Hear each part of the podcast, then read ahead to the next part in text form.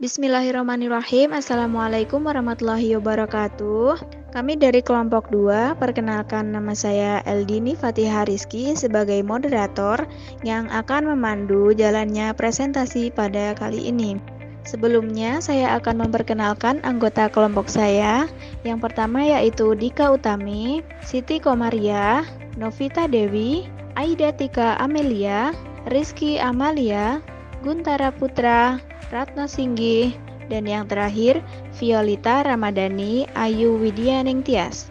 Kami akan membahas tentang identifikasi kompetensi inti, kompetensi dasar, dan pokok bahasan mata pelajaran pendidikan Pancasila dan Kewarganegaraan SMP kelas 8. Langsung saja dimulai dari presenter pertama oleh Ratno Singgi. Kepadanya kami persilahkan. Baik, terima kasih Mbak Eldini atas waktunya dan teman-teman.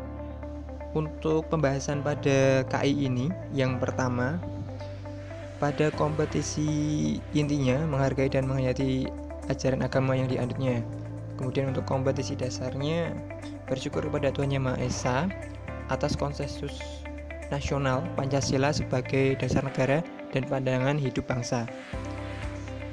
Pada pokok bahasan e, kali ini, mengenai memahami kedudukan dan fungsi Pancasila.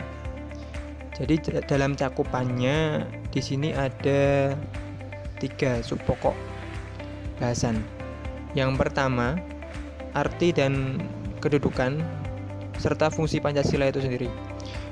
Jadi di sini kita mengidentifikasi mengenai kedudukan Pancasila seperti Pancasila merupakan pandangan hidup bangsa dan sebagai dasar negara Indonesia. Sumber dari segala sumber sumber dari segala sumber hukum atau sumber hukum dasar nasional yang ada di Indonesia. Kemudian untuk yang kedua Poinnya adalah makna Pancasila sebagai dasar negara dan pandangan hidup. Nah, di sini menjelaskan mengenai makna Pancasila, misalnya sebagai dasar negara atau uh, fondasi atau falsafah negara dan Pancasila mengatur sistem ketatanegaraan dan menjadi dasar dalam pelaksanaan pemerintah negara. Kemudian Pancasila sendiri tidak hanya mengatur dalam hal pemerintahan saja, namun juga uh, sebagai pandangan hidup. Jadi Pancasila itu sebagai pandangan hidup yang merupakan pedoman dalam bersikap dan berperilaku.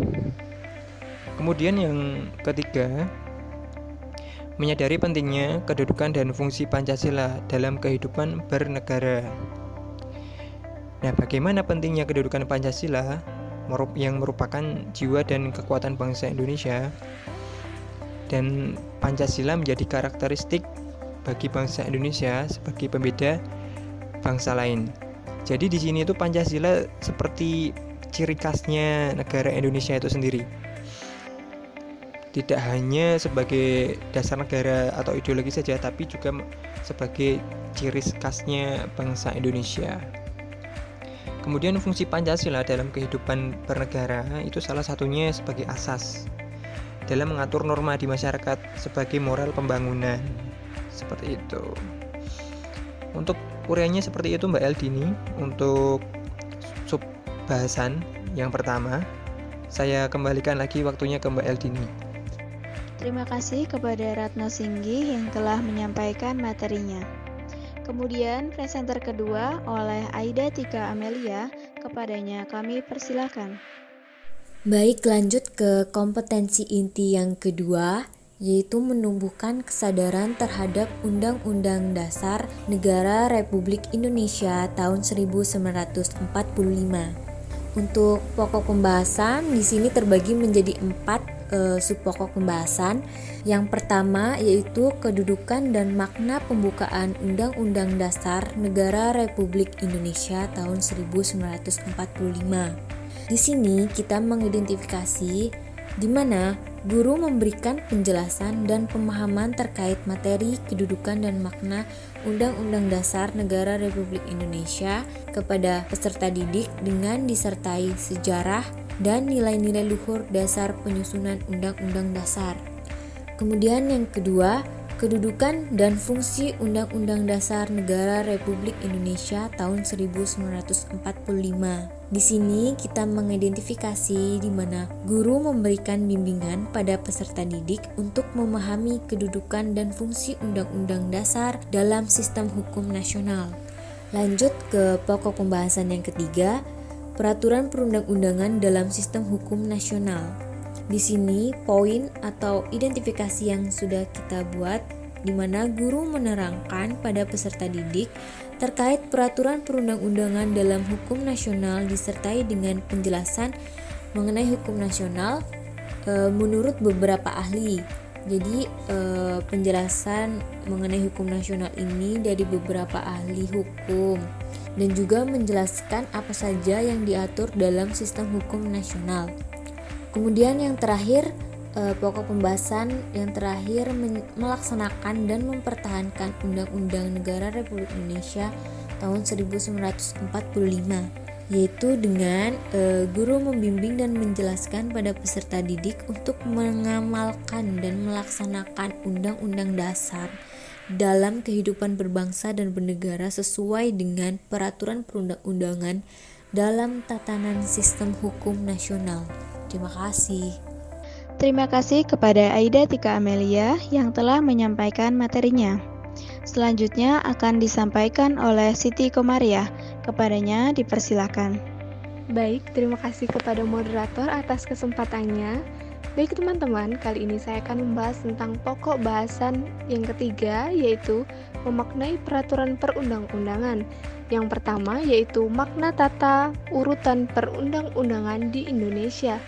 Dalam bagian ini, guru bertugas untuk membimbing peserta didik untuk memahami dan menerapkan pengetahuan mengenai tata urutan peraturan perundang-undangan di Indonesia, seperti menelaah Pancasila sebagai warga negara dan pandangan hidup bangsa. Peraturan perundang-undangan menurut Undang-Undang Nomor 12 Tahun 2011 memiliki pengertian peraturan tertulis yang memuat norma hukum yang mengikat secara umum dan dibentuk atau ditetapkan oleh lembaga negara atau pejabat yang berwenang melalui prosedur yang ditetapkan dalam peraturan perundang-undangan. Secara formal, peserta didik sudah mengenal berbagai bentuk peraturan perundang-undangan di sekitar mereka, misalnya tata tertib sekolah, peraturan di lingkungan, rumah tangga, peraturan daerah, peraturan pemerintah, dan lain sebagainya. Dalam hal ini, guru dituntut untuk dapat membimbing mereka agar memahami apa substansi dan esensi dari peraturan perundang-undangan tersebut. Nah, yang kedua atau yang B yaitu proses penyusunan peraturan perundang-undangan. Pada bagian ini, guru bertugas untuk membimbing peserta didik untuk memahami dan menerapkan pengetahuan mengenai proses penyusunan peraturan perundang-undangan di Indonesia dalam sistem hukum nasional. Pada tata urutan peraturan perundang-undangan ini mengandung makna bahwa peraturan perundang-undangan yang berlaku memiliki hierarki atau tingkatan.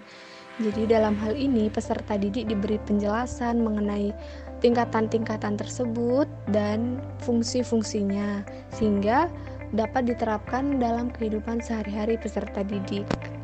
Kemudian yang ketiga atau yang C berisi menampilkan sikap sesuai dengan peraturan perundang-undangan. Nah, teman-teman, pada bagian ini guru bertugas untuk membimbing peserta didik agar memahami dan menerapkan pengetahuan mengenai peraturan perundang-undangan, kemudian menampilkannya sebagai sikap dan semangat dalam membangun peraturan perundang-undangan di Indonesia. Kepatuhan atau sikap itu seperti apa sih? Kepatuhan berarti sikap taat, atau siap sedia melaksanakan aturan. Bersikap patuh akan membentuk perilaku disiplin. Banyak manfaat yang dapat diperoleh apabila seseorang terbiasa hidup taat pada aturan. Di antaranya adalah kepatuhan lebih menguntungkan daripada melanggar aturan, seperti orang yang melanggar lalu lintas akan dikenakan denda sekian rupiah. Contoh lain, orang yang berpola hidup sehat akan terhindar dari penyakit seperti orang yang tidak mengkonsumsi narkoba akan memiliki tubuh yang kuat dan berpikiran sehat. Kepatuhan terhadap peraturan perundang-undangan nasional ini berkaitan dengan terbentuknya kesadaran hukum setiap warga negara. Hal ini wajib kita sampaikan kepada peserta didik agar mereka menjadi peserta didik yang cerdas, kreatif, namun juga memiliki karakter yang baik sebagai warga negara sesuai dengan tujuan pendidikan Pancasila dan kewarganegaraan yakni menjadikan warga negara yang baik atau good citizenship. Terima kasih kepada Siti Komaria yang telah menyampaikan materinya. Kemudian akan dilanjutkan oleh presenter terakhir yaitu dari Rizky Amalia. Kepadanya dipersilahkan. Baik, terima kasih Mbak Eldini atas kesempatan waktunya. Untuk selanjutnya, KI yang keempat yaitu mengolah, menyaji, dan menalar dalam ranah konkret serta ranah abstrak. Pada pokok bahasan yang keempat mengenai kebangkitan nasional tahun 1908 di sini terdapat tiga subpokok bahasan.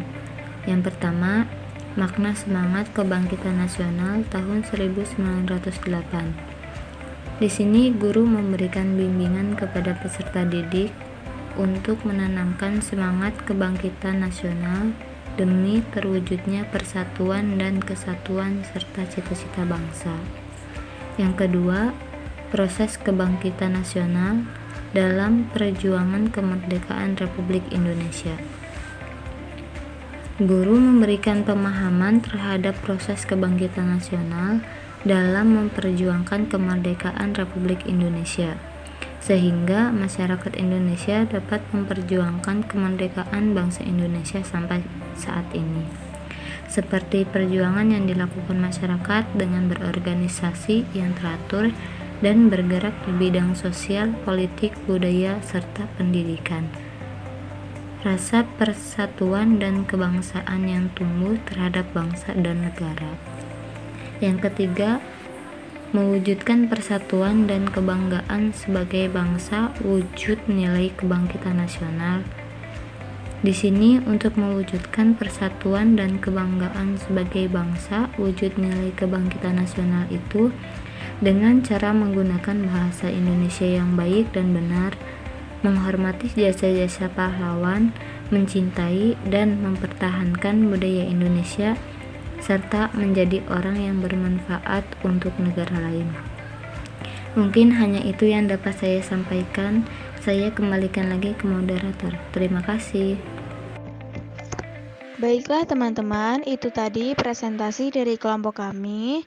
Bagi yang ingin menyampaikan sesuatu atau memberikan pertanyaan, silakan dikirimkan ke email kami yaitu eldini18150090048 at webmail.uad.ac.id Mohon maaf apabila banyak kekurangan dan kesalahan. Terima kasih atas perhatiannya.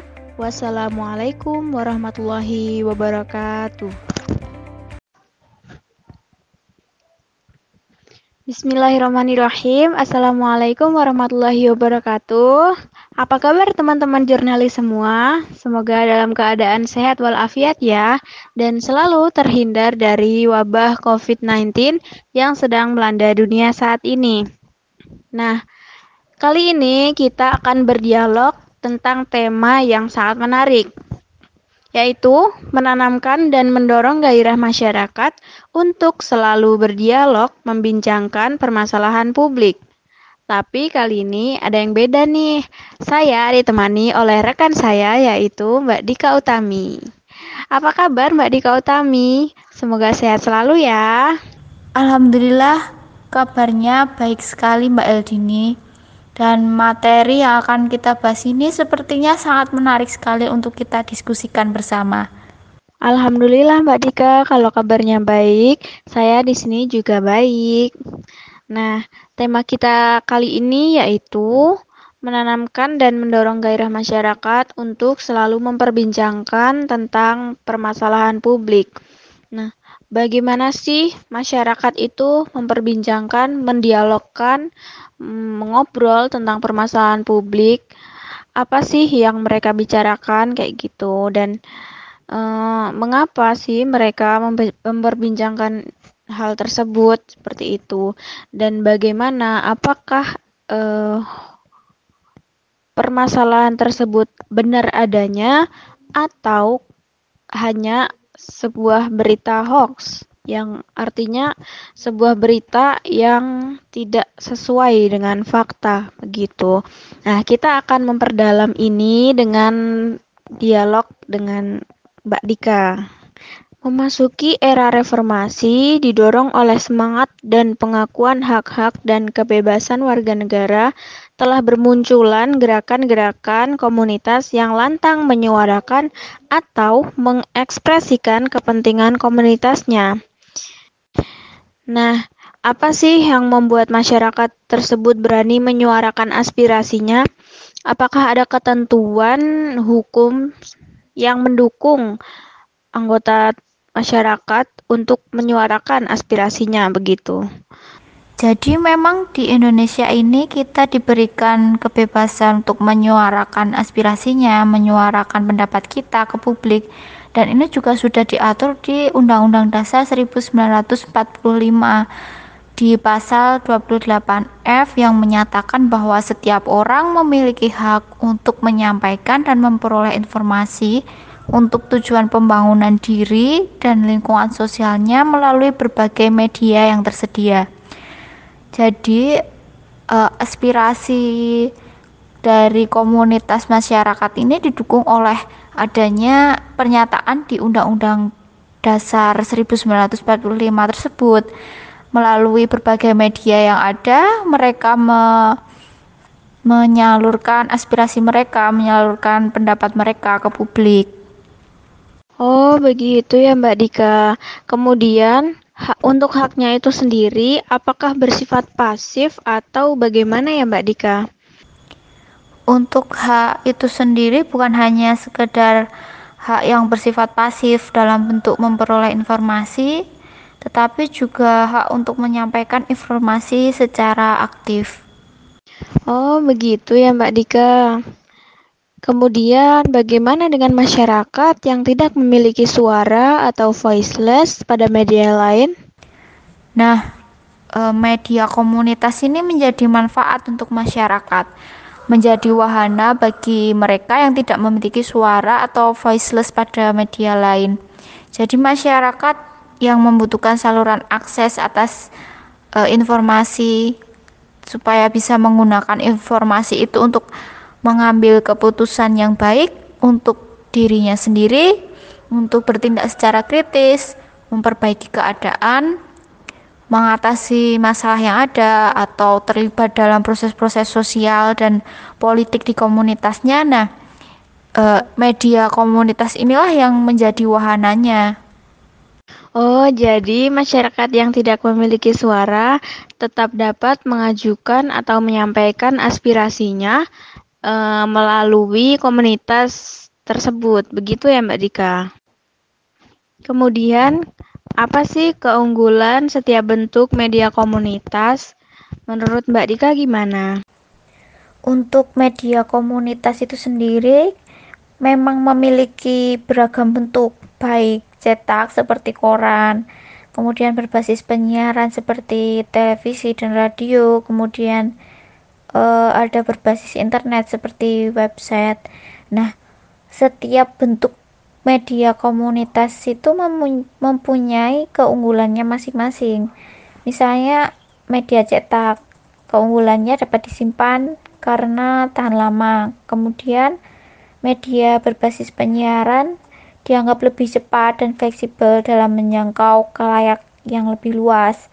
Kemudian untuk media berbasis internet sendiri keunggulannya dalam menyampaikan pesan-pesan itu dapat dilakukan secara instan dan cepat. Begitu, Mbak. Betul sekali, Mbak Dika. Dengan adanya gerakan-gerakan komunitas yang telah hadir sejak sebelum reformasi, terbukti menjadi sarana yang ampuh melatih ketajaman sensitivitas mereka pada persoalan-persoalan publik yang menyangkut dan atau ada di sekitar mereka serta menambah gairah untuk mengubah kondisi mereka ke arah yang lebih baik. Ya, betul sekali Mbak Eljini. Dan kalau menurut Mbak Eljini sendiri, apakah kehadiran media komunitas yang dikelola oleh komunitas warga ini bisa turut memperkuat proses demokratisasi di era reformasi saat ini? Kalaupun iya, mengapa kehadiran media komunitas ini bisa memperkuat proses demokratisasi di era reformasi ini? Kalau menurut Mbak Eldini gimana ini? Iya, betul sekali Mbak Dika. Tentunya kehadiran media komunitas itu memperkuat proses demokratisasi di era reformasi. Alasannya, reformasi media merupakan salah satu tuntutan mendasar untuk perbaikan kebebasan pers di Indonesia. Kekuasaan pemerintah yang dominan untuk mengatur pers mulai dikurangi seiring pemenuhan hak-hak berekspresi masyarakat. Lahirnya Undang-Undang Nomor 32 Tahun 2002 tentang penyiaran dapat dilihat sebagai tonggak perubahan hubungan antara masyarakat dan negara melalui media sebagai alat berekspresi. Nah, untuk permasalahan publik sendiri eh, di Indonesia itu kan banyak sekali terjadi persoalan-persoalan publik di Indonesia. Nah, menurut Mbak Eldini itu sendiri bagaimana komunitas eh, komunitas itu bisa membangun kepedulian masyarakat terhadap persoalan publik tersebut? Nah, bagus sekali ya pertanyaannya Mbak Dika. Bagaimana komunitas membangun kepedulian masyarakat terhadap persoalan publik? Mengacu pada pengalaman radio komunitas dalam membangun ruang publik, terdapat tiga tahap menanamkan kesadaran anggota komunitas. Yang pertama yaitu menjalin ikatan dengan komunitas melalui konten yang terkait dengan kebutuhan komunitasnya. Yang kedua, menjadi media komunikasi sosial antar anggota komunitasnya. Dan yang ketiga, membangun jaringan dengan pihak-pihak luar yang memiliki ide sejalan. Itulah jawaban dari saya. Iya, betul sekali Mbak Erdini. Hal-hal tersebut memang bagus sekali untuk membangun kepedulian masyarakat terhadap persoalan-persoalan publik yang ada. Wah, tidak terasa ya. Sepertinya untuk materi kali ini kita cukupkan sampai di sini diskusinya.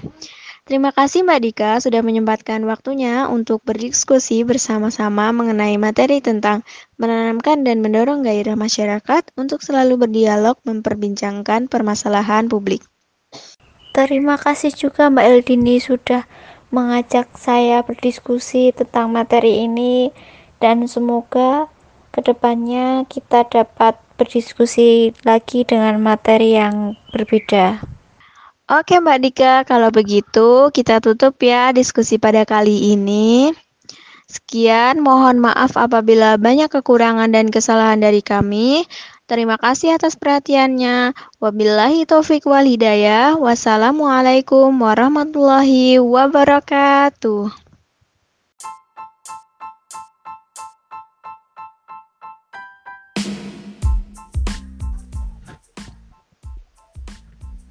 Bismillahirrahmanirrahim. Assalamualaikum warahmatullahi wabarakatuh. Apa kabar teman-teman jurnalis semua? Semoga dalam keadaan sehat walafiat ya dan selalu terhindar dari wabah COVID-19 yang sedang melanda dunia saat ini. Nah, kali ini kita akan berdialog tentang tema yang sangat menarik, yaitu menanamkan dan mendorong gairah masyarakat untuk selalu berdialog membincangkan permasalahan publik. Tapi kali ini ada yang beda nih. Saya ditemani oleh rekan saya yaitu Mbak Dika Utami. Apa kabar Mbak Dika Utami? Semoga sehat selalu ya. Alhamdulillah kabarnya baik sekali Mbak Eldini. Dan materi yang akan kita bahas ini sepertinya sangat menarik sekali untuk kita diskusikan bersama. Alhamdulillah Mbak Dika, kalau kabarnya baik, saya di sini juga baik. Nah, tema kita kali ini yaitu menanamkan dan mendorong gairah masyarakat untuk selalu memperbincangkan tentang permasalahan publik. Nah, bagaimana sih masyarakat itu memperbincangkan, mendialogkan mengobrol tentang permasalahan publik apa sih yang mereka bicarakan kayak gitu dan uh, mengapa sih mereka memperbincangkan hal tersebut seperti itu dan bagaimana apakah uh, permasalahan tersebut benar adanya atau hanya sebuah berita hoax yang artinya sebuah berita yang tidak sesuai dengan fakta begitu. Nah, kita akan memperdalam ini dengan dialog dengan Mbak Dika. Memasuki era reformasi didorong oleh semangat dan pengakuan hak-hak dan kebebasan warga negara telah bermunculan gerakan-gerakan komunitas yang lantang menyuarakan atau mengekspresikan kepentingan komunitasnya. Nah, apa sih yang membuat masyarakat tersebut berani menyuarakan aspirasinya? Apakah ada ketentuan hukum yang mendukung anggota masyarakat untuk menyuarakan aspirasinya begitu.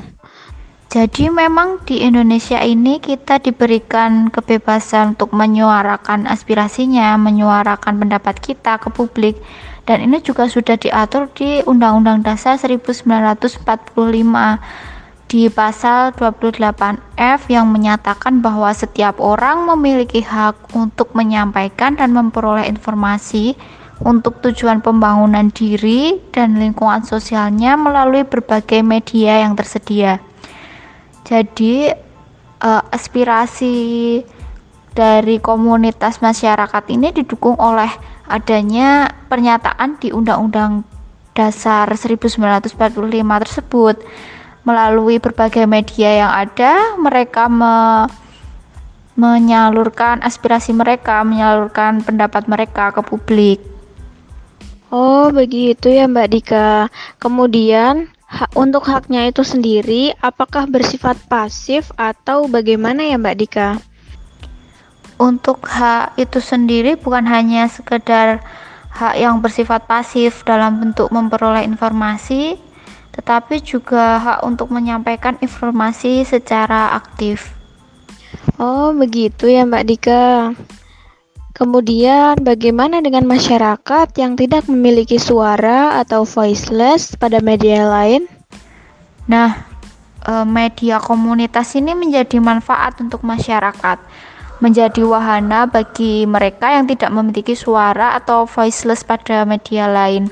Jadi, masyarakat yang membutuhkan saluran akses atas e, informasi supaya bisa menggunakan informasi itu untuk mengambil keputusan yang baik untuk dirinya sendiri, untuk bertindak secara kritis, memperbaiki keadaan, mengatasi masalah yang ada, atau terlibat dalam proses-proses sosial dan politik di komunitasnya. Nah, eh, media komunitas inilah yang menjadi wahananya.